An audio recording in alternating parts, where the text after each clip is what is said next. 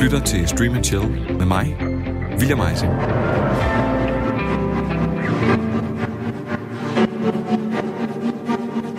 Der er en ny fortælling, der spiger. This is something always said to aspiring writers. Write what you know. Er en god opfordring til manusforfattere og filmskabere. Det kunne lige så godt være, skriv om, hvad der interesserer dig. Og der er så en ny generation. For noget tid siden, der kunne jeg nemlig fortælle her i Stream and Chill, at Netflix havde erhvervet sig rettighederne til at fortælle en fiktionaliseret udgave af historien om Spotifys tilblivelse. Det lyder måske sådan lidt omsonst, men tænk lige over, hvor god mening det giver, når vi ser på fænomenet tech-drama.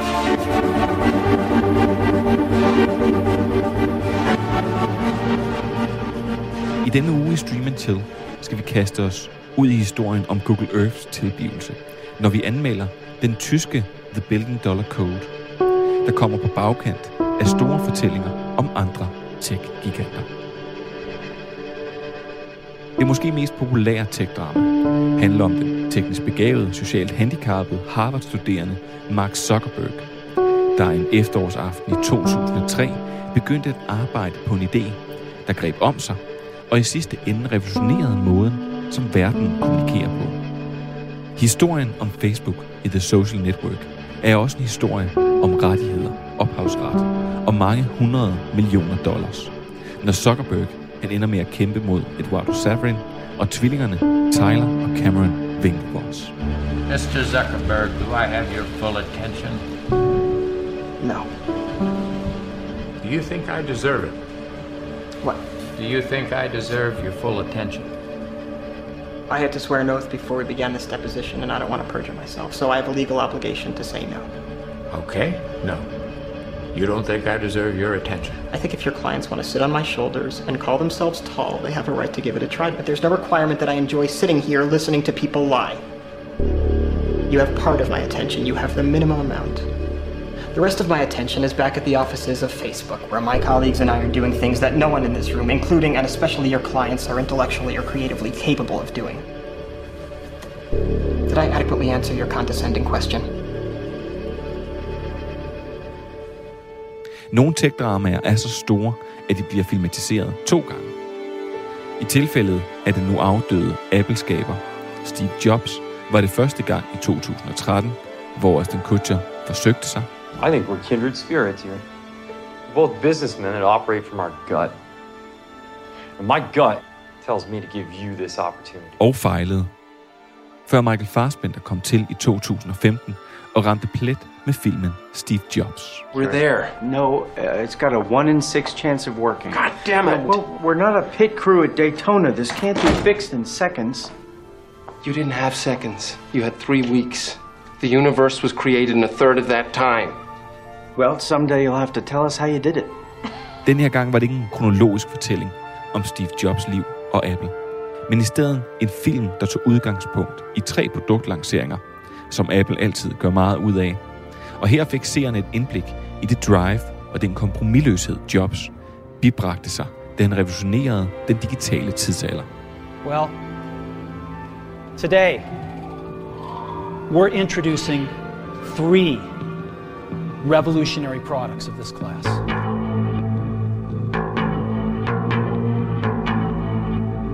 Tech-dramaet har selvfølgelig også fundet vej til den lille skærm i den meget vellykkede Hold and Catch Fire fra 2014.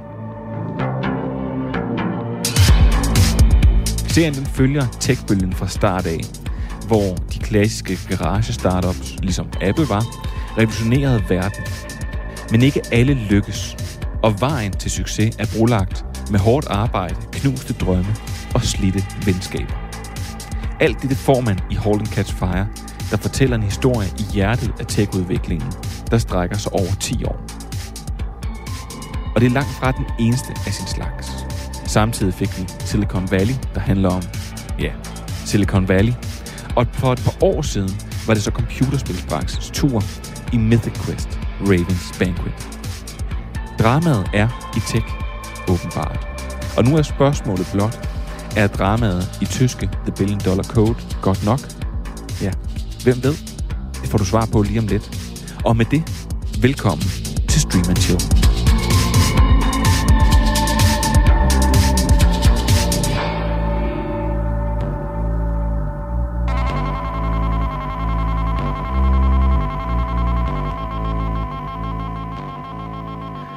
I dag skal vi snakke en masse om The Billion Dollar Code. Så har BBC udnævnt øh, de 100 bedste serier nogensinde. Og de tager selvfølgelig fejl, fordi der er gået circle jerk i anmelderkredse. Så er, har Michael Caine ikke trukket sig tilbage. Og så skal du lave en masse larm. Og så kommer der også øh, noget godt om The Last of Us serieudgaven, som måske kommer snarere i stedet for senere. Ja, så der er en masse godt i vente.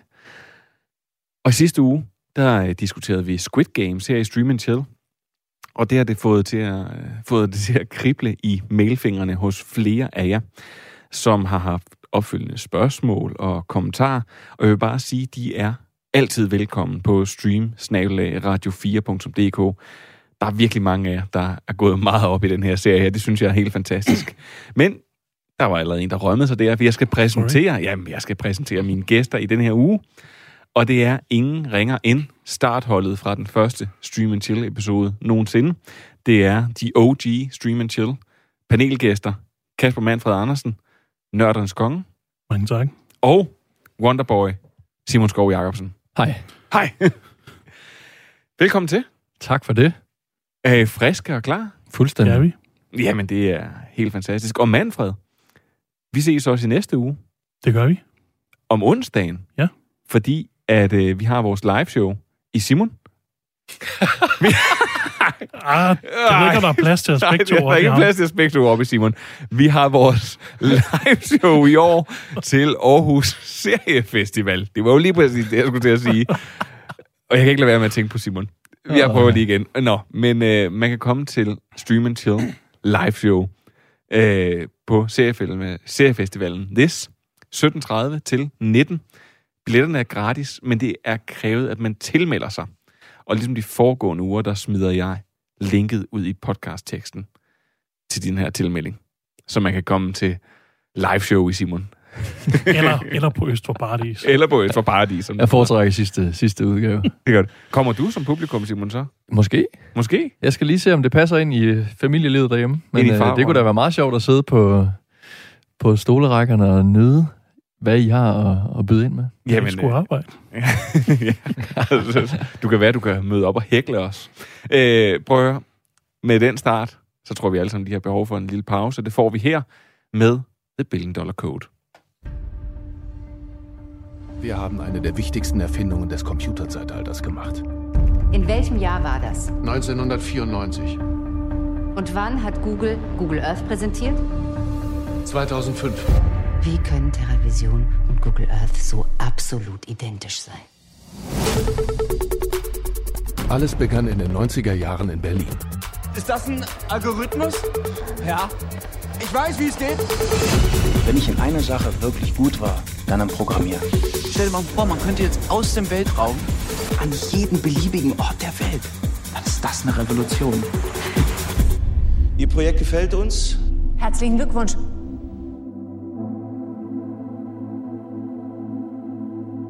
I 1990'ernes Berlin mødes den unge kunststuderende Carsten Slytter med hackeren Jardi Müller, fordi førstnævnte har udviklet et kunstprojekt, hvor man kan opleve verden gennem en computer. Men det lille kunstprojekt vokser sig større, end de to nogensinde kunne have forestillet sig. Og årtier efter står de midt i en retssag om brud på ophavsret til deres eget produkt.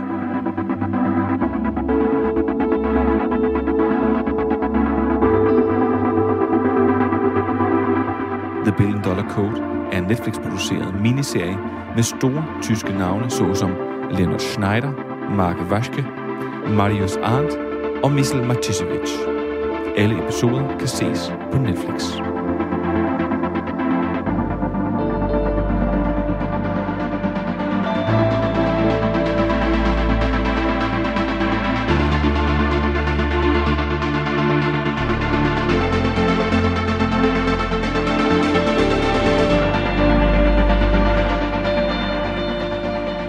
Simon, Ja. Kan der være drama i noget så simpelt som teknologi? Ja, det, det kan der da bestemt. Altså, det, det synes jeg, din, øh, din flotte intro øh, er bevis på. Der kan både være drama og komedie og, og alt muligt. Det er jo øh, en verden, der fylder øh, mere og mere selvfølgelig, som, øh, som udviklingen øh, har gået sin gang. Øh, og det er jo øh, en verden, som selvom vi, eller jeg kan tale for mig selv, selvom jeg ikke øh, kender særlig meget til den, jamen, så kender jeg jo Google Earth, så kender jeg Facebook, og så kender jeg alt muligt, øh, hvad der nu er lavet. Så og så høre om, øh, om de forskellige øh, dramaer, der så har været i, i opstandelsen af de her forskellige ting. Jamen, selvfølgelig er der, er der drama i det. Det er vel sådan set meget spændende, fordi det sætter vel tankerne i gang om, hvor meget man bruger nogle af de her tjenester her, Manfred. Gør det ikke, når man, sådan, når man kaster sig ud i sådan en serie som The Billion Dollar Code? Der er jo, altså hver dag bruger man forskellige teknologiske øh, sådan innovationer, og det er ikke altid, man lige tænker over, hvor kommer de fra, hvem er det egentlig, der har opfundet det. For eksempel Google, jamen det er jo bare sådan et stort ansigtsløgt øh, firma, men hvor meget de egentlig sidder på vores adgang til information. Altså, du binger jo ikke noget, du googler ting. Det er jo den søgemaskine, det er den, det er den der sådan ligesom er døren ind til hele den digitale verden, ikke? Men, men så har vi så taget lidt hul på den her The Billion Dollar Code. Jeg synes, at, at en serie som den her, altså Facebook, det forstår vi alle sammen, og vi kan alle sammen forstå, hvem fik en idé først eller noget. Men den her, den prøver jo ud over det, også at forklare noget helt ekstremt kompliceret til et publikum, og så gør den det på tysk. Så lad mig, lad mig lige høre, hvordan synes I, den lykkes med det? Med at forklare alt det tekniske og sådan Ja, mere, for, altså mere egentlig, at du skal være med og forstå, hvad, hvad er det, øh, hvad er det, den her sag, den går ud på. Fordi at, jeg vil faktisk lige sige, når man googler det, så er der utrolig få hits på det ja. øh, på Google. Og det kunne måske være noget med, at Google selv har været inde og rydde lidt op, fordi det ikke er en super fed sag, det her. Ja. Altså jeg vil sige, jeg tror, jeg, jeg gik... Øh, eller da, da jeg så den, jamen så det, jeg kunne forholde mig til, det var måske mere bare, at det var den her øh, patentretsag, mere end hvad det var af specifikke detaljer, der gjorde, at øh, det tyske hold mente, at Google øh, havde, havde kopieret dem. Det, det synes jeg ikke er øh, på den måde mega vigtigt for mig. Øh, jeg kan forstå, at det er en patentretssag, og jeg, kan jo, jeg bliver, synes jeg egentlig bliver taget okay i hånden øh, af de her tyskere og deres advokater i forhold til at kunne forstå i hvert fald, at de synes virkelig, at der, der er en sag. Øh, og det jeg synes jeg egentlig er nok for mig, øh, i forhold til at, at, at følge med. Øh, når det så er sagt, så synes jeg ikke, at det er et stort nok øh, drama til sådan en, en øh, fire series eller fire afsnits fiktionsserie. Det, det, det, det synes jeg ikke. Nå, det synes du ikke? Hvor, ja, hvorfor ikke? Jeg sad helt klart med den følelse, at jamen, jeg, jeg, jeg synes ikke, det var, det var helt vildt spændende. Øh, jeg, uden jeg overhovedet kendte noget til historien, men så kunne jeg nok godt lidt regne ud af, hvor øh, vi skulle hen af. Øh, og jeg sad virkelig med en følelse, at jo, det kunne være en spændende historie, hvis det var øh, tyske svar på øh, DR-dokumentar, der havde øh, brugt øh, nogle dygtige journalister og nogle, et fantastisk billedmateriale, for dengang lanceringen kom af Terravision, som det hedder det her, øh, og så lavet sådan en 50 minutters Teams dokumentarserie med, som jeg sagt, journalister, der har gravet i det, øh, de rigtige personer fra den gang, rigtig billedmateriale fra lanceringen i Kyoto og alle sådan ting der. Det tror jeg vil være super interessant øh, i en lille team. Men, men jeg, jeg, jeg synes bare ikke, det er spændende nok til, at, at det skal være en fiktionsserie, fordi så bliver det hele sådan lidt for skrevet og sådan lidt for... Ja. Altså, man, man kan prøve, for sådan at sætte det relief til lytteren, der ikke har set den, så kan man sige, de kører True Detective-finden. Mm. Altså fra den første sæson, hvor vi både får et flashback til nutiden, hvor der sidder de her øh, ja, ældre mænd, som er i gang med at forberede øh, forberedelsen til den her retssag, og bliver interviewet separat, og så kører den så øh, flashbacket hele tiden, hvor der bliver forklaret, hvad var det, der skete. Øh, hvordan, har, hvordan har det her taget hele sit udspring. Og så sådan nogenlunde godt og vel midtvejs to tredjedel hen i serien, der får vi så skiftet ligesom man også gjorde. Altså, i for eksempel så kommer man op to date, og så bliver det Altså, så bliver hovedlinjen i historien, det bliver nutid, mm. og så med nogle få flashbacks til, hvad det var, der skete. Er det, er det den storyline, du synes, der sådan, altså den historieopbygning, der ikke ender med at fungere for dig? Nej, det, det tror jeg egentlig er, er okay. Jeg synes bare ikke, der er... Jeg synes på et eller andet sted, der er ikke der er helt nok øh, kød på, at der er, at, øh, at der er et par tyskere, der har egentlig startet med at øh, opfinde den her, eller lave den her algoritme, der, der, kan, øh, øh, der kan lave øh, det, der så bliver til Google Earth, fordi Google napper dem ifølge dem. Øh, ja, jeg ved det ikke. Jeg, jeg tror også, det er fordi, de har tilføjet gevaldigt meget, sådan som jeg kan forstå. Der er en lille øh, sådan mini-dokumentar faktisk også om bag om film, eller bag om serien, øh, hvor det også er, altså Carsten og Juri, de findes ikke. Det er sådan en amalgation af de fire gutter, der egentlig lavede det. Og hele det der venskabsdrama, og de skal sådan forsone med hinanden og sådan noget, det var bare ikke noget, der skete i virkeligheden. Det er noget, de har tilføjet for at give serien der ekstra lag af drama.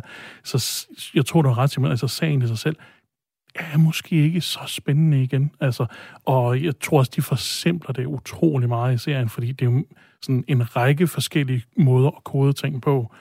Og så kan man jo, så bliver det kogt ned til, jamen det, det er Google Earth, som de har lavet før Google Earth. Og det er ikke helt rigtigt. Altså, det er sådan, det er alt det bagvedliggende, og det, har de, det synes jeg ikke helt, de brager igennem med at forklare. Men det er jo vigtigt at fortælle, altså, og det synes jeg godt, man kan løfte sløret for, uden at ødelægge noget, men det er jo netop, at de har, at de lykkes med at lave noget helt øh, gennemgribende kode. Vi brugte, øh, vi, vi diskuterede lidt før, vi gik i studiet, Manfred og jeg, altså, at den, det er sådan lidt Silicon Valley-eksemplet, at han laver en, øh, der laver han en eller anden musiktjeneste, der skal være i stand til at gøre et eller andet, og ideen til den er egentlig super dårlig. Øh, fordi, hvem vil nogensinde bruge det? Men i Silicon Valley kan hans kode så komprimere filer, uden at de mister kvalitet. Altså sådan, så filerne fylder en tredjedel eller en fjerdedel af, hvad de virkelig fylder. Og det er der jo ekstremt mange penge i. For det skal du sende mindre data, og du skal beskytte mindre data, du skal gøre alle de her ting. Det er det samme, de egentlig gør her. Det er jo et kunstprojekt, de laver. Og for at kunstprojektet så skal kunne lykkes på en eller anden måde, jamen så skal man finde en eller anden måde at gøre de her ting på en meget ringere teknologi. Jeg må sige, der hvor jeg synes, at det bliver interessant for mig, nu, så, nu snakker du selv om den der dokumentar, Fred, og ja. hvad der sådan egentlig er sandhed og sådan noget. Jeg synes jo egentlig, at, der er en, at det, der er spændende, det er, hvordan Google har udnyttet nogle ting. Altså, Don't be evil var deres mm. slogan, som de så også har droppet, fordi ingen troede på det. Men jeg synes jo faktisk, at det bliver sådan en, en, en hvordan er pølserne blevet lavet? Hvordan er Google blevet så stort? Mm. Det er jo en historie bag om det også. Synes, synes du, den fungerer? Er du, er du lige så meget på Simons hold? Ja, det tror jeg egentlig. Altså, jeg synes stadigvæk, den var underholdende. Øh, men jeg synes også helt klart, at jeg, jeg var mere interesseret i at høre den rigtige historie, altså se det som en dokumentar. Det kunne vel jeg meget hellere have haft, altså at den der mini-docu-serie, at det var det, der var sådan måske to timer eller sådan noget i stedet for. Altså, jeg siger jo ikke, det er den bedste serie, jeg nogensinde har set, og heller ikke den næstbedste. Men jeg synes jo faktisk, at det er en af de noter, jeg har lavet, mens jeg så den her. Og det er, fordi jeg tænker, man bliver nødt til nogle gange at pakke det ind i noget fluff. Altså, øh, The Social Network er jo også sådan noget, det er jo svært, det er jo sådan noget ligesom SP eller K det her. Hvor mm. mange procent er det sandt, eller hvor mange procent elsker du Simon, eller sådan noget. Øh, 40 eller 60, eller sådan noget. Det kan Åbenbart man, rigtig meget. Så Åbenbart rigtig meget, så skal til live show. Det er Freudian slip, du ja. startede med, så. Øh, men, men, men, men det er jo sådan med, den, den siger de, det er jo, der er måske 50 procent, eller 40 procent af den, der er sandt. Altså, den, de overordnede rammer mm. er sande, men så bliver man jo nødt til ligesom at pynte det op, så folk gider at sætte sig ned og se det som en film. Sådan har jeg det også lidt her. Jeg accepterer lidt, at de har kogt fire gutter sammen til to. Der er selvfølgelig så sådan noget med, at der er nogle forhold og sådan noget, hvor jeg tænker, ja, det, det, der kan jeg så måske godt mærke, at det, det kommer ikke til at fungere helt, og hvordan de ligesom kommer ind i det her. Men jeg accepterer det egentlig i forhold til, at jeg synes, at det er fire gode afsnit, mm. der handler om nogle venner, og så om, det, altså, om de skaber noget sammen. Det er vel noget, vi alle sammen kan relatere til. Ja, men jeg kan egentlig også, jeg kan jo også godt lide øh, præmissen, men så synes jeg alligevel bare, der er noget uforløst. Altså, så køber jeg ikke helt ind på deres øh, venskabshistorie, vores to øh, hovedpersoner der, fordi jamen, så ser de ikke hinanden i øh, rigtig mange år fra de der flashbacks, og så op til nutiden, hvor de så skal køre retssagen igen. Øh, og den ene øh, tager den hjem til, er det Bulgarien, eller hvor han kommer fra, så skal den anden lige ned og have fat i ham, og det klarer han lige på et snuptag, fordi han har taget en øh, kebab med fra Berlin, som de har spist en gang og sådan noget, så er de bare gode venner igen. Okay, altså, det er sådan... Ja, okay. Du synes, der er nogle ting, der er for let købt. For jeg har faktisk skrevet, jeg synes, at den er meget, meget straight. Altså sådan, at der ikke er alle mulige udenomshistorier, men det gør måske også nogle gange, at i nogle sekvenser har man måske malket den for meget, mm. og i andre sekvenser, der, som du siger der, ja. der har man skåret det for tæt ind til benet. Jeg, jeg synes, det bliver, det bliver bare meget søgt. Altså, det er sådan, klichéerne står lidt i kø. Øh, hele sidste afsnit øh, er også sådan et courtroom drama, der prøver de at lave det meget sådan, som sådan amerikansk courtroom drama, så skal man stå og snakke til, til juryen. Nu skal du passe på med ikke og, og, og, og, hvad hedder det, og, og løfte sløret for, hvad den slutter med. Nej, men altså, og, og det bliver bare sådan, jeg, man har set det før, hele det der courtroom drama og et hele sidste afsnit, og også hele det der venskabshistorie, det bliver sådan, øh ja, og så gør vi det, som vi gjorde, da vi var unge med de der kebaber, og så er vi gode venner igen, og altså, det, det er sådan, der det, det, der er bare ikke kød nok på. Det bliver bare sådan klichéfyldt, synes jeg meget af det. Når jeg synes faktisk, at i hvert fald særligt der, øh, altså, jeg vil, jeg vil sige, jeg synes, at, det, det, at, det, at den skifter fokus og bliver til et courtroom drama. Der kunne jeg godt mærke lidt, at det var jeg ikke indstillet på der det skulle have fyldt meget mere. Så i starten af serien, for at man ikke føler, at man faktisk begynder at se en, en, altså en anden film, en anden serie eller sådan noget, øh, der synes jeg, der vil jeg godt medgive, at der, der mangler lidt. Det er noget i et skifte. Men jeg synes faktisk, at den, at den måde, som de binder nogle af tingene sammen på, at der slutter den rigtig godt, og jeg synes faktisk, at det, som, det, som jeg virkelig blev mærke i igennem den her serie her, det er, at skuespillerne er gode. Jeg synes, det, jeg synes faktisk, det er rigtig gode skuespillere. Og jeg synes altid, det er forfriskende, når man ser sådan noget, hvor man tænker, hold da op, Ej, han må være helt ny eller sådan noget. Så når man tjekker ham ud, så er det jo en, der har spillet med i 100 tyske film mm. eller sådan noget. Altså, jeg synes, det var, jeg synes, det var gode skuespillere. Jeg synes, præstationerne fungerede godt. Der var lidt med de amerikanske advokater. Særligt den mandlige advokat. Ja, lidt, ja. ja, amerikansk. Ja, ja men, men, det, men det synes jeg egentlig... Jeg, jeg giver dig ret i, at jeg synes egentlig også, det er ganske fine skuespillerpræstationer fordi de gør virkelig, hvad de kan med, med det materiale, de nu har fået, fordi jeg synes også, og der kan jeg ikke, øh, der kunne det måske have været fint at have haft Sofie med ind over i forhold til, til manus og sådan noget. Jeg, jeg synes virkelig, den virker skrevet, hvis det er det, man siger øh, tit. Altså, Sport. ja, men jeg synes godt nok, der er nogle øh, dialoger, der virker altså virkelig bare replikker, de har fået at vide dem her, dem skal I sende afsted. Og det, der er også sådan en, en fuldstændig åndssvag tandstik-metafor, som en af øh, advokaterne bruger, hvor jeg også bare tænkt, ah, den er sgu for banal i forhold til at være top, øh, top, top, top amerikaner, øh, amerikaner, top, top, top advokat, og, skulle, og skulle imod Google. Altså, det må være nogle af de bedste advokater, og så sidder der sådan banal... Øh, ah, det er sådan... Du taler om øh, advokaten Eric Spears, yeah. som taler med den her accent hele tiden, fordi han er så amerikansk. Ja, jeg, jeg, jeg tror, det er, det er der, det ligger, altså, det ligger i manuskriptet og i dialogen, at det er nok der, at, at det sådan, tingene falder fra hinanden, fordi det er gode skuespillere, det er egentlig en spændende historie, men det bliver bare ikke leveret og, og, og sådan sendt afsted. Og så især i de der uh, Talking Heads interviews, ja. uh, det synes jeg overhovedet ikke fungerede. Altså, det, det virkede jo som Altså, det er jo sådan nogle afhøringsbånd, eller hvad, ja. nogle interviews, der er blevet lavet med, med tidligere medarbejdere i T-revision og i forskellige, hvor de fortæller om, hvordan de har oplevet tingene og sådan noget. Ja, der har de sat det meget mærkeligt op. Ah, det, der, der virkede det sådan helt karikeret lige pludselig. Ja, det altså, bryder stilen af resten af serien. De er sådan filmet på en anden måde, og bliver spillet på en lidt anden måde. Ja, ja det, det, og, det er nogle mærkelige par rykker, de på. ja. og, altså, det, det så helt skidt ud, synes jeg. Det er jo faktisk fuldstændig enig i. Det var virkelig også noget, der generede mig. Men ja. jeg tror bare, jeg var så betaget af den her. Altså, det er jo øh, det er det, der man siger, der findes øh, en 5-6 historie eller sådan noget, noget kærlighedshistorie, noget. Altså, det, her, det er jo, det er jo øh, David mod Goliat på en eller anden måde. Og det, og det, er det, man, det er det, man godt kan lade sig forføre lidt af. Der er en ting, som jeg tænker, det her, det kan I simpelthen ikke have noget imod at sige. Soundtracket til den her serie her, det er simpelthen så fantastisk. Det er... Øh, at det rammer lige ned i tiden og i Tyskland. Altså. Det gør det, og de har fået mod at lave det sådan lidt tækket. Jeg nu har lige taget bare sådan 20 sekunder med af hovedtemaet, som jeg synes er fuldstændig vanvittigt godt.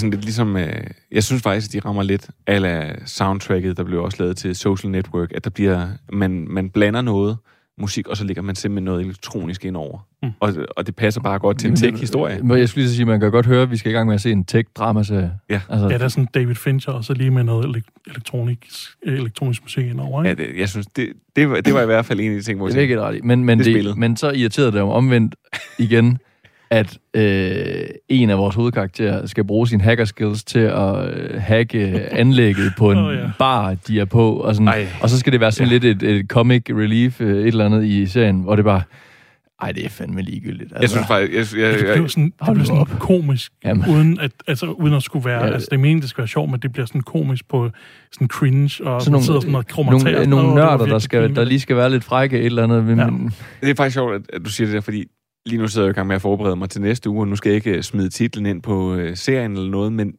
men der sidder jeg i gang med at se en serie, som, hvor der er virkelig meget karakteropbygning i. Hvor at jeg virkelig var sådan, tænkte, hvorfor skal jeg se alt det her? Og så måtte jeg simpelthen google og læse en artikel ved siden af, for at forstå, når det er derfor, det er det, de gerne vil fortælle med det her. Og, og det her, det er sådan et, det her, de gerne vil fortælle med den der afslutning, det, det er jo, eller sådan det der, det der trick der, de lige smider ind med, at så skal man lige hack et uh, anlæg på en bar. Det er fordi, det er sådan one-time ha- hacker, all the time hacker. Altså han er, han er hacker ind til benet. Hvor Ja, sådan lidt, selvom han har været botanist i 10 år eller sådan noget på det Ja. tidspunkt. og, og, og, og, det kan jeg godt, det kan jeg godt følge dig i. Det bliver sådan lidt, det er nogle af de der ting, hvor hvis de har skåret dem væk, og hvis vi havde barberet noget af retssagen af, så vi var kommet ned på tre afsnit, jamen, så tror jeg, den har stået meget stærkere, også Mm. selvom at de havde, også selvom de har lavet de her karakterer smelte sammen, også selvom de har gjort alt det her. Det ved jeg ikke, hvordan I har det. Som, hvis vi kan komme med de afsluttende bemærkninger nu, egentlig, tænker jeg. Jeg tror, jeg vil gå tilbage til at sige, at jeg vil hellere se det som en dokumentar. Det holder jeg også helt klart fast i, men, men, men er fuldstændig enig med dig, William. Altså, sk- skulle det, skal man lave en, en fiktionsdramaserie over det? Og det skal man jo. Jamen, det skal man jo. Men øh, så, så er det nogle gode pointer, du har der. Nå, men tusind tak. og så bliver du også inviteret med en anden gang. Det her, det er Stream Chill på hele Danmarks Radio. Radio 4. Og vi er din guide i den store streaming jungle. Selv tak. Hvem bliver glad for The Billion Dollar Code på Netflix? Simon. Jamen, det er jo det absolut sværeste segment, det her, når man, når man har set en serie, som, som jeg ikke selv var vildt glad for. Hvem er det? Og så skulle sidde og tænke over, hvem er det så egentlig, der bliver glad for det? Jamen, så lad mig hjælpe dig på vej. Jeg tænker for eksempel, hvis man har set Holden Catch Fire, hvis man har set The Social Network, hvis man har set Steve Jobs, hvis man har set Silicon Valley, hvis man har set sådan noget som Mythic Quest, og hvis man har synes, at det, at der bliver lavet drama ud af sådan et emne, at det er spændende, er man, er man så måske ikke godt hjemme i The Billion Dollar Code? Det ved jeg, alt- det, du lige har nævnt, eller i hvert fald det, jeg har set af det, er langt bedre, end det, jeg, det, jeg lige har set. Så, så det er jo svært at sige, bare fordi du har øh, kunne lide det, jamen så kan du også lide Belgien, der fordi jeg har- det handler om tech. Jeg, jeg har også en, øh, en kammerat, hvor jeg skrev, ej, jeg, jeg, jeg har lige set øh, Lord of the Rings, hvad skal jeg så se? Og så var det noget Sheena the Warrior Princess, han anbefalede, fordi det var sådan en light version af det. Jeg, jeg, så jeg kan godt følge måske din pointe der. hvad siger du, Manfred? Hvem kunne blive glad Jeg for The Billion Dollar Code? Jeg tænker også sådan lidt David Fincher-agtig, fordi den har også den der sådan lidt mørke, dyster stemning, og selvom det ikke er en dyster historie, så har den stadig sådan samme feel som øh, for eksempel Social Network eller andre Fincher-projekter. Så jeg tror også, sådan, hvis du er til, til krimi og true crime og sådan noget, så vil du nok også kunne finde noget at lide den her. Jeg tror, jeg synes, at den er en lille bit smule bedre, end I to, I synes. Uh, og selvom I gerne ville have haft dokumentaren, I to fisefornemme herrer, så synes jeg alligevel, at man godt kan give den en chance, fordi det er jo, som siger, det er fire afsnit, og allerede, du ved, i første afsnit, så er det ligesom banket på plads. Du skal ikke lige, altså, den, Man den, kan hurtigt fornemme, om det er en serie. Altså, Ja. jeg vil ikke have set videre Og den efter kom- ret lang tid. og den kommer lynhurtigt, øh, den kommer lynhurtigt ind. Jeg må så også sige, at Elisabeth, hun stemplede ud og ind af den her serie her, mens hun gik til og fra og passede vores lille barn, øh, mens jeg sad og så den. Og, øh, og hun havde altså ikke noget problem med at følge med, fordi hun har måske i sammenlagt set to og en halv time ud af de her fire timer, og så resten af tiden, der er hun blevet catchet op. Og det var altså ikke noget problem. Heller ikke, selvom den foregik på tysk. Så øh, jeg, måske har hun kun set to afsnit ud af de fire, øh, reelt, hvis man skal gøre det op sådan. Så, øh, og jeg forklarede hendes slutningen. fordi det, hun så ikke den sidste halve time. Og hun var godt underholdt, så måske er det også det, man skal. Man skal måske bare give den her en chance. I hvert fald, The Billion Dollar Code, den er på Netflix, og der kan man se alle fire afsnit. Og nu er det med en tid til nyheder. Yes, I see. Good news, everyone! BBC de har bedt 207 anmeldere og folk i branchen om at stemme på de 100 bedste tv-serier nogensinde. Og jeg kan lige læse uh, top 10 op, og så skal det også lige siges, at det er selvfølgelig Soundvenue-folkene fra uh, Danmark, der er blevet spurgt i stedet for mig. Og det er jeg da slet ikke bidt over.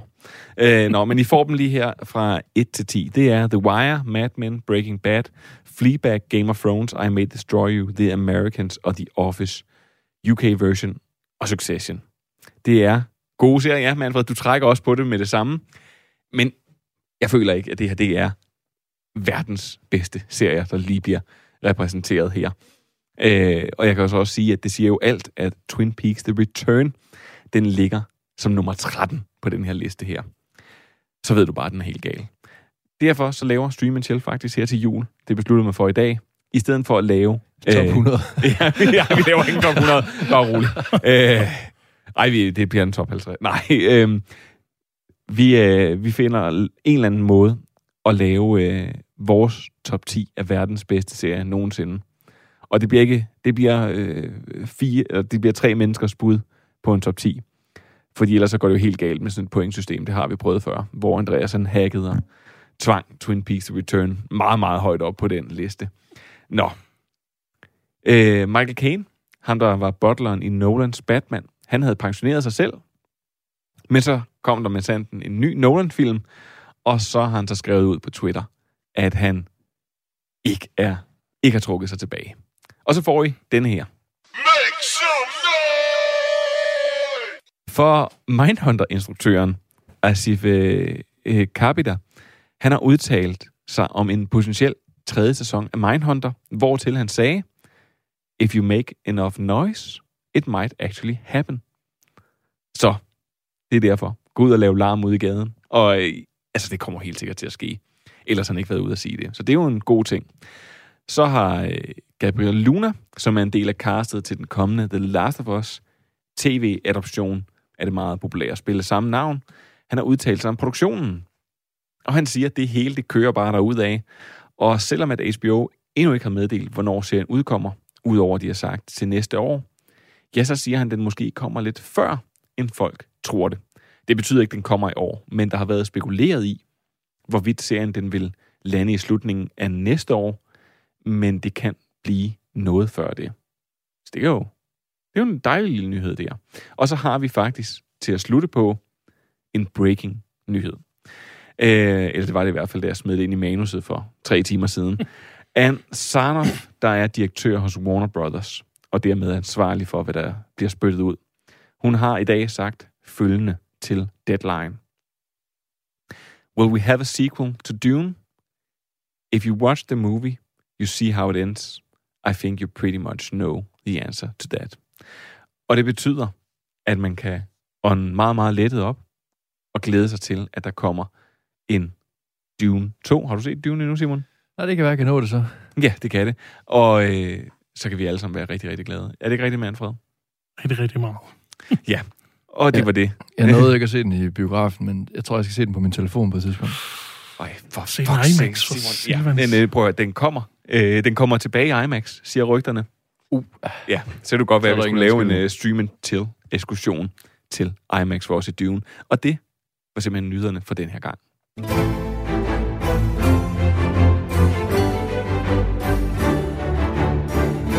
Mit navn er William Eise, og jeg fortæller dig, at du lytter til Stream Chill.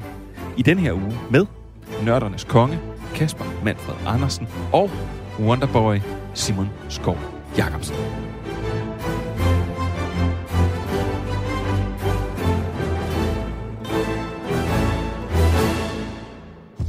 Don't miss the next episode of Serious Cougar.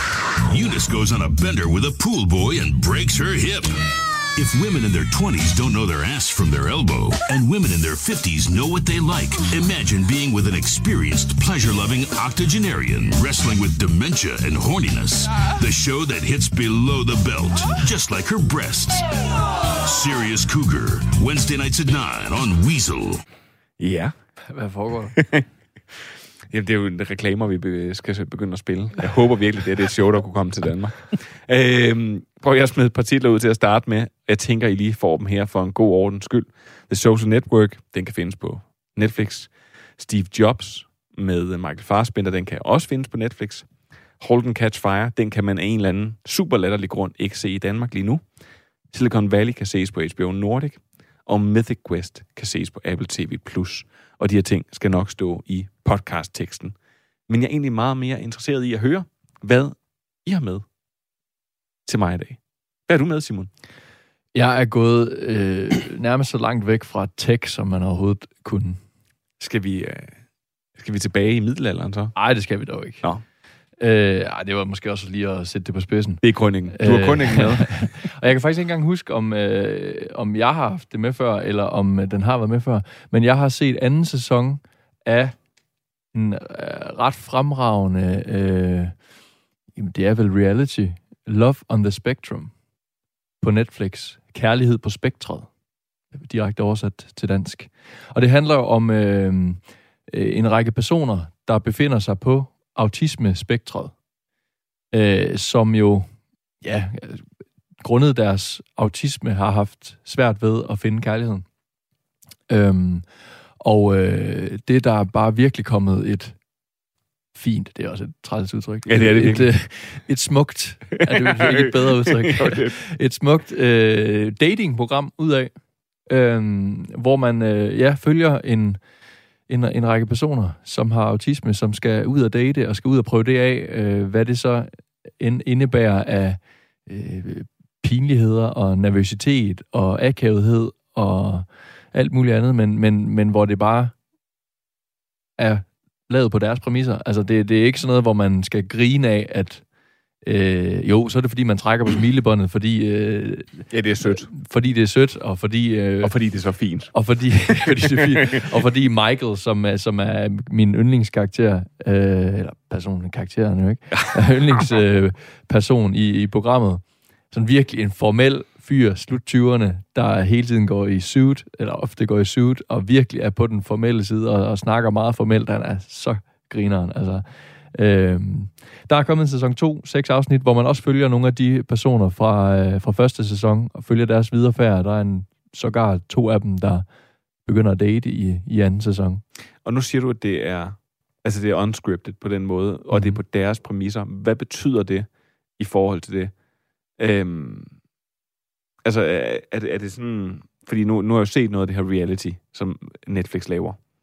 Og noget af det er jo virkelig skåret over en stram formel. Øh, jeg synes jo, det der Beast Love, eller hvad det, Søren, hvad det var, det Sexy hed. Beast. Sexy Beast, ja. Ja, ej, du himler også med øjnene. Ja. Jeg blev nødt til at se det, for jeg tænkte, det er faktisk et sjovt datingprogram, at, at de bliver klædt ud som dyr. Og så sidder der lige pludselig sådan en eller anden giraf eller et eller andet overfor det. Men de har jo bare stadigvæk lykkes dem at finde de mest overfladiske mennesker, der kunne sidde og glo på hinanden, og som kun gik op i overfladiske ting, og øh, som skulle kysse med de her dyremasker på, og så skulle de igennem sådan et eller andet helt stramt øh, program af de her ting her. Og så var det det. Og, og, og så var det sådan et, ej, så skal du se, hvem du sagde nej til, og du skal, var sådan et, oh my god.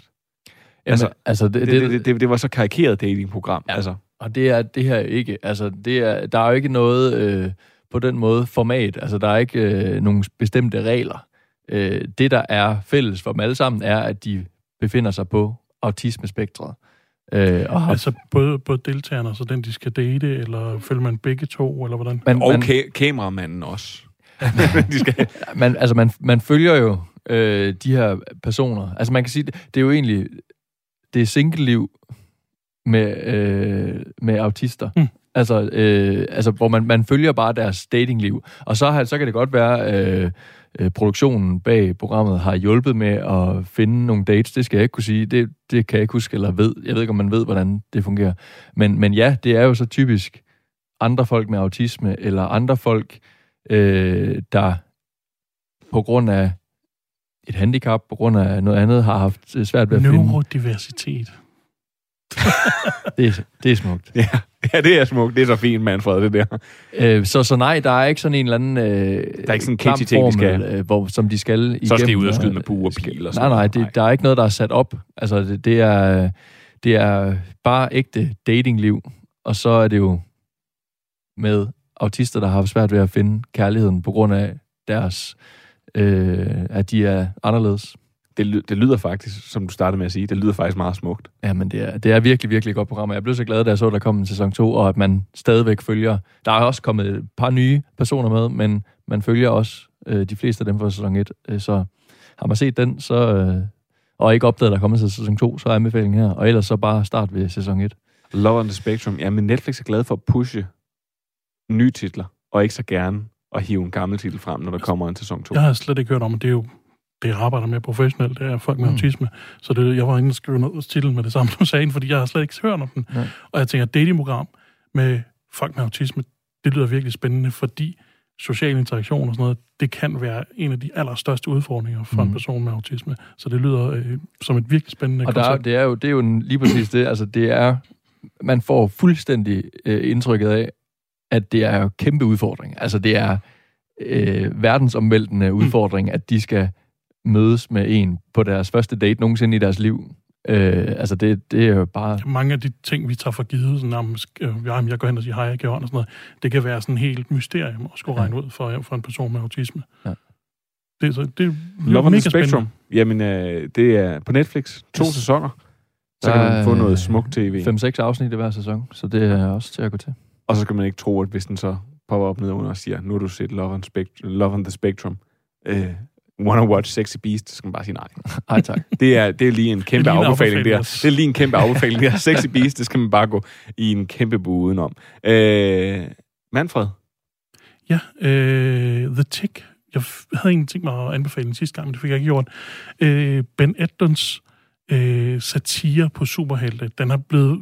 Den, ja, det har været en tegneserie, og det har været en, øh, en tegnefilm, og så har der været en live-action-serie i starten af 2000, men nu er der også kommet, eller er et stykke tid siden, er kommet, øh, en, endnu en live-action-serie. Øh, pisseskæg, øh, og en lidt anderledes måde at lave superhelte-satire på. Øh, det handler om den her fyr, The Tick, som er sådan en stor blå mand, som er tægen. Jo, som kan er man... tæen, men hans kræfter og hans superkræfter og hans identitet har overhovedet ikke noget med tæer at gøre. Det er bare det, han har valgt at hedde. Øh, og han er usårlig og sur og har superstyrke, så han er egentlig lidt sådan en Superman-type. Og han går meget op i at være en superheld og være, være god. Ingen ved ender, hvor han kommer fra. Ingen engang ham selv. Øh, og han møder så den her revisor, Arthur, som også mener, at han skal være superheld. Og han er sådan en møldragt, men alle tror, han er en kanin, fordi den har sådan nogle lange hvide ører, og han har sådan en hvid dragt. Øhm, den her serie, den der på Amazon Prime, The Tech, den er, den, efter sæson 1, så går den lidt over og bliver mere sådan standard superhelte serie, hvor den lidt mere action, den bliver lidt mere seriøs, og den mister lidt øh, det, der gør den sjov i første sæson. Øh, så jeg vil helt klart anbefale se første sæson. Der er for eksempel øh, en båd, en, øh, en, en, sådan en, et kampfly, et amfibie kampfly, som identificerer sig som en båd, øh, som er intelligent, øh, som er en mega fed karakter. det lyder godt nok. Det, lyder er, godt det, nok er, det er meget, meget fjollet. Det er sådan meget, meget langt ude. Øh, en af sk- hovedskurkene, hun hedder Miss Lind, altså Miss, øh, hvad er det, det hedder, øh, Fnuk, fordi hun har elektriske kræfter, som mindre hun bærer sådan et bestemt armbånd, jamen så samler der Fnuk på hende, fordi hun er statisk elektrisk altid. Det, det kan jeg faktisk godt lidt lide. Det er lidt Så det er, sjovt. sådan, det, det er lidt det, der sådan er humoren i den. Det er sådan lidt, lidt quirky, ikke som, øh, sådan, hvor, hvor det sådan er sådan noget fuldstændig satire, hvor det er så fuldstændig pis på det. Det er stadig sådan en superheltserie, men det er bare sjovt. Er der også, øh, han er ikke med der. Der er en, øh, i, i tegneserieuniverset er der også øh, superhelten Batmanuel, den spanske Batman. det er dumt. Yes. Det kommer, jeg kommer til at tænke på Adventure Bros, når du fortæller om The Jamen, Tick. det, er, ja, det er faktisk meget, meget op i den boldgade af humor. Fordi jeg er vokset op på Johnny Quest, ja. øh, som blev sendt i Snorsup Søndagsklub, tror jeg. Øh, Simon han trækker på skuldrene. Ikke, Ja, du er et snowflake på den måde. Øh, men så dem, der jo egentlig havde vokset op med alt det her Johnny Quest, og de her sådan lidt, lidt spøjse karakterer, der nu var med i hele Johnny Quest-universet, så blev der jo lavet Adventure Bros, som er det samme. men som jo tog tygt pis på det. Ja. Altså, det er jo, det kan nogle Og gange være... sådan Hanna Barbera, det der, Ja. den, den tidsalder generelt. Det kan nogle gange være helt ustyrligt morsomt. Jeg, øh, jeg kan se, at der er nogle ret fede skuespillere med. Ja. Der er Øh. Alan Tudyk, og der er Peter et eller andet, som jeg ikke kan udtale. Ja, åh, hvad fanden? Ham, der spiller The Tick, han er altid sådan en karakterskuespiller, øh, og han er interessant at kigge på. Han spiller altid skurke. Øh, men her, der har han så helten, og det er interessant at se ham i den rolle. Jamen, øh, jeg er øh, The Tick på Ja. Amazon Prime. Du, har- du har solgt mig på det, men det er jo også den hemmelige... Det er jo Ja, den ja, hemmelige, der, hvor der bare bliver smidt alt muligt det er den hemmelige streamingtjeneste, og det er faktisk også streamingtjenesten, nu ved jeg godt, men alle, alle gosher over Marvel og sådan noget, men, men Amazon Prime har jo haft en eller anden tendens til faktisk at lave nogle anderledes, men vildt fede superhelte-serier. Vi har fået The Boys, vi har fået Invincible, som Det er lidt, det, det, det, begynd, det slår sig lidt på det. Altså, øh, nu kommer der nok ikke mere The Tick. Den er, sådan, øh, den er kørt ud, og der kommer ikke flere sæsoner, men øh, de to sæsoner, der ligger. Og hvis du er til The Boys, hvis du er til, til Invincible, så vil du nok også kunne lide det her sådan lidt skæve superhelte-satire.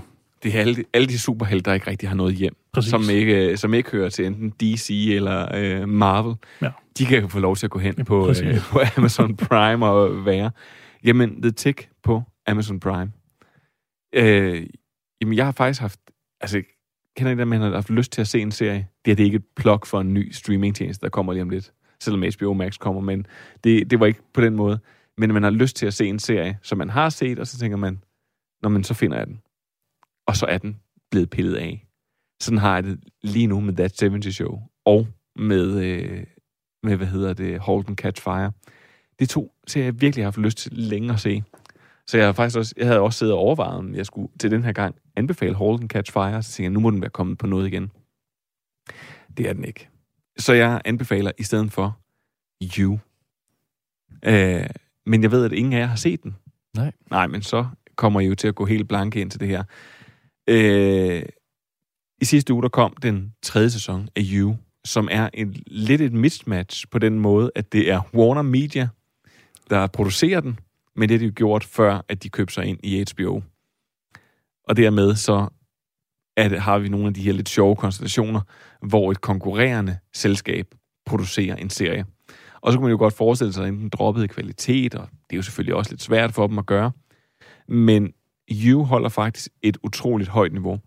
Fordi det handler i bund og grund om den her lidt spøjse loner-type, der hedder Joe Goldberg, der er spillet af Penn Badley. Og Fra han Gossip Girl.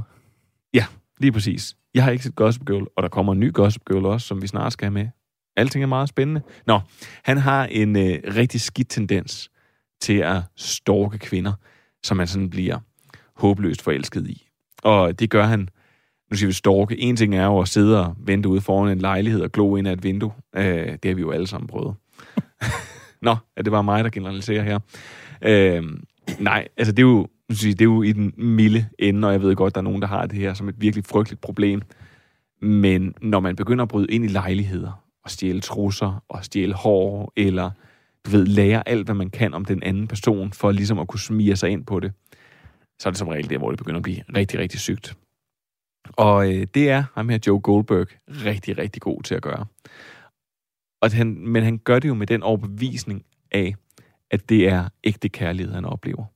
Så det er sådan et målet helliger midlet, at det er helt okay, at jeg, øh, at, jeg, øh, at, at jeg bryder ind i din lejlighed, at jeg gør alle de her ting, fordi at jeg er faktisk forelsket i dig, og jeg vil gerne beskytte dig for alle de dårlige forhold, du har haft. Så øh, det, øh, det bliver super creepy. Og det, der faktisk er det sjove ved ham her, det er jo, at jeg fik lidt den der Breaking Bad vibe. Og nej, det er det ikke en sammenligning mellem Breaking Bad og You. Bare rolig.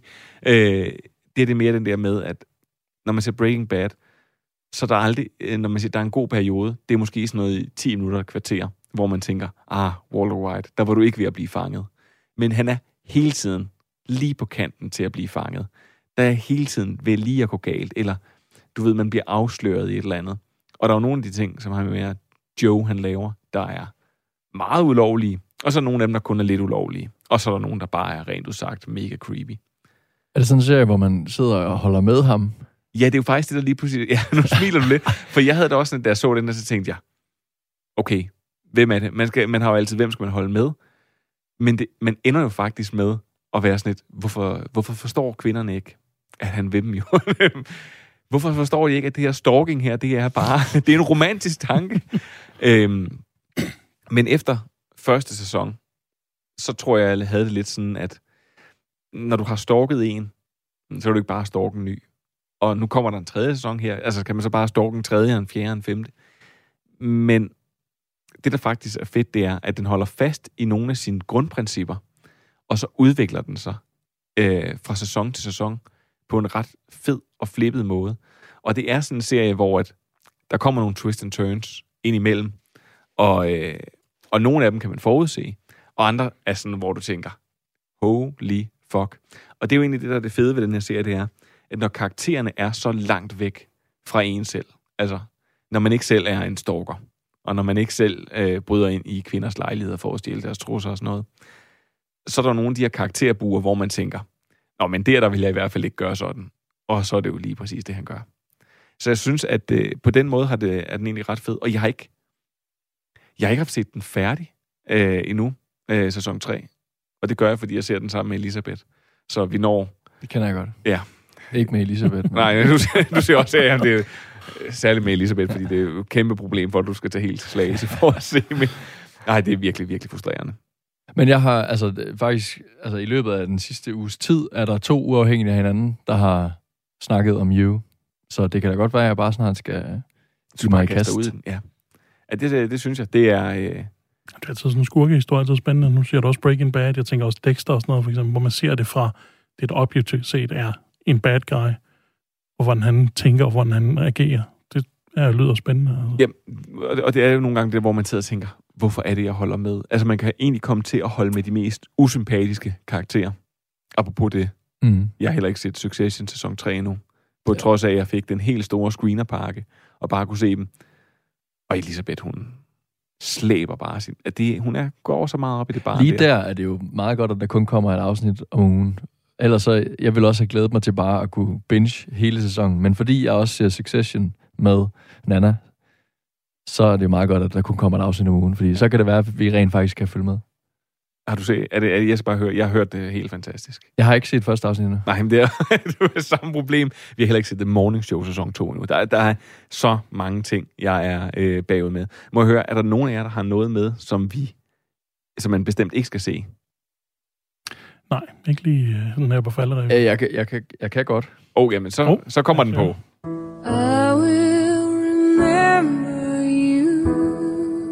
Du har simpelthen øh, to minutter. Jamen, det er rigeligt. uh, vi snakkede om det uh, forrige gang, jeg var med, tror jeg, inden vi gik på, hvor vi ja, kom til at snakke om og det at afbefale, som jeg jo egentlig ikke uh, normalt er så glad for. Nej, men det er jo fordi, man, man jo stopper. Man stopper sig selv. Ja, præcis. Og man er også blevet bedre præcis. til at luge ud i det, synes ja, jeg. Ja, og den her, jeg kan se, at den her har lige afsluttet sin første sæson, og jeg så kun, jeg så kun lige de første to eller tre afsnit, så behøvede jeg ikke se mere. Det er den danske serie Fars Drenge. Åh oh, ja. På, øh, jeg ved i hvert fald, man kan se den på Discovery+. Plus. Øh, jeg ved ikke, om det bare er der, den ligger. Øh, og det er jo helt tydeligt, at de vil have fat i det der Julia Jesper øh, 29-segment, øh, og, øh, og vil ramme den samme vibe og et eller andet. Men så har vi også set øh, fire øh, venner, der er blevet omkring 30 og stadigvæk bor sammen i deres øh, dyre øh, forældrekøbslejlighed og aldrig er kommet videre med deres liv. Og, altså, det er simpelthen bare ringe. Jamen, øh, men prøv at... Er det komedie ikke... eller drama? Det er komedie. Det er, komedie. Ja, altså, det er nøjagtigt det samme. Øh... Det er fordi, du ikke ser fodbold, Manfred. Så har du ikke set... Altså, jeg har set jeg føler nærmest, at jeg har set hele serien, for jeg har set ja. så mange clips, så mange promos, så mange trailer for den. Fordi jeg synes den jeg bare også tit, at danske sitcoms, det, jeg kan ikke huske en, hvor det er ramt plet på noget tidspunkt rigtigt. Langt fra Las Vegas. Langt fra Las Vegas. Langt fra Las Vegas. Det, det tror jeg, at vi skal helt tilbage til det. det Men så prøv at sætte dig ned og se Langt fra Las Vegas i dag. øh, oh, det tror jeg ikke, jeg skal. Ja, nej. Øh, jamen, prøv at høre. Man skal gå udenom fars dreng. Det var det. Øh, ja. I næste uge er det et stort live show Simon kan muligvis være blandt publikum, og det kan du også, hvis du går ind og øh, følger linket i podcastteksten. Så kan du være med, og det er i Øst for Paradis, og ikke i Simon, som der blev sagt tidligere. Ja, men øh, prøv at, jeg vil bare sige, øh, Manfred, tusind tak, fordi du kom. Selv tak. Og Simon, tusind tak, fordi du kom. Selv tak. Og så er der egentlig ikke rigtig så meget andet end at sige energi. De aller, aller sidste ord til Jean-Luc Picard. You know, back when I was in the academy, we would follow every toast with a song.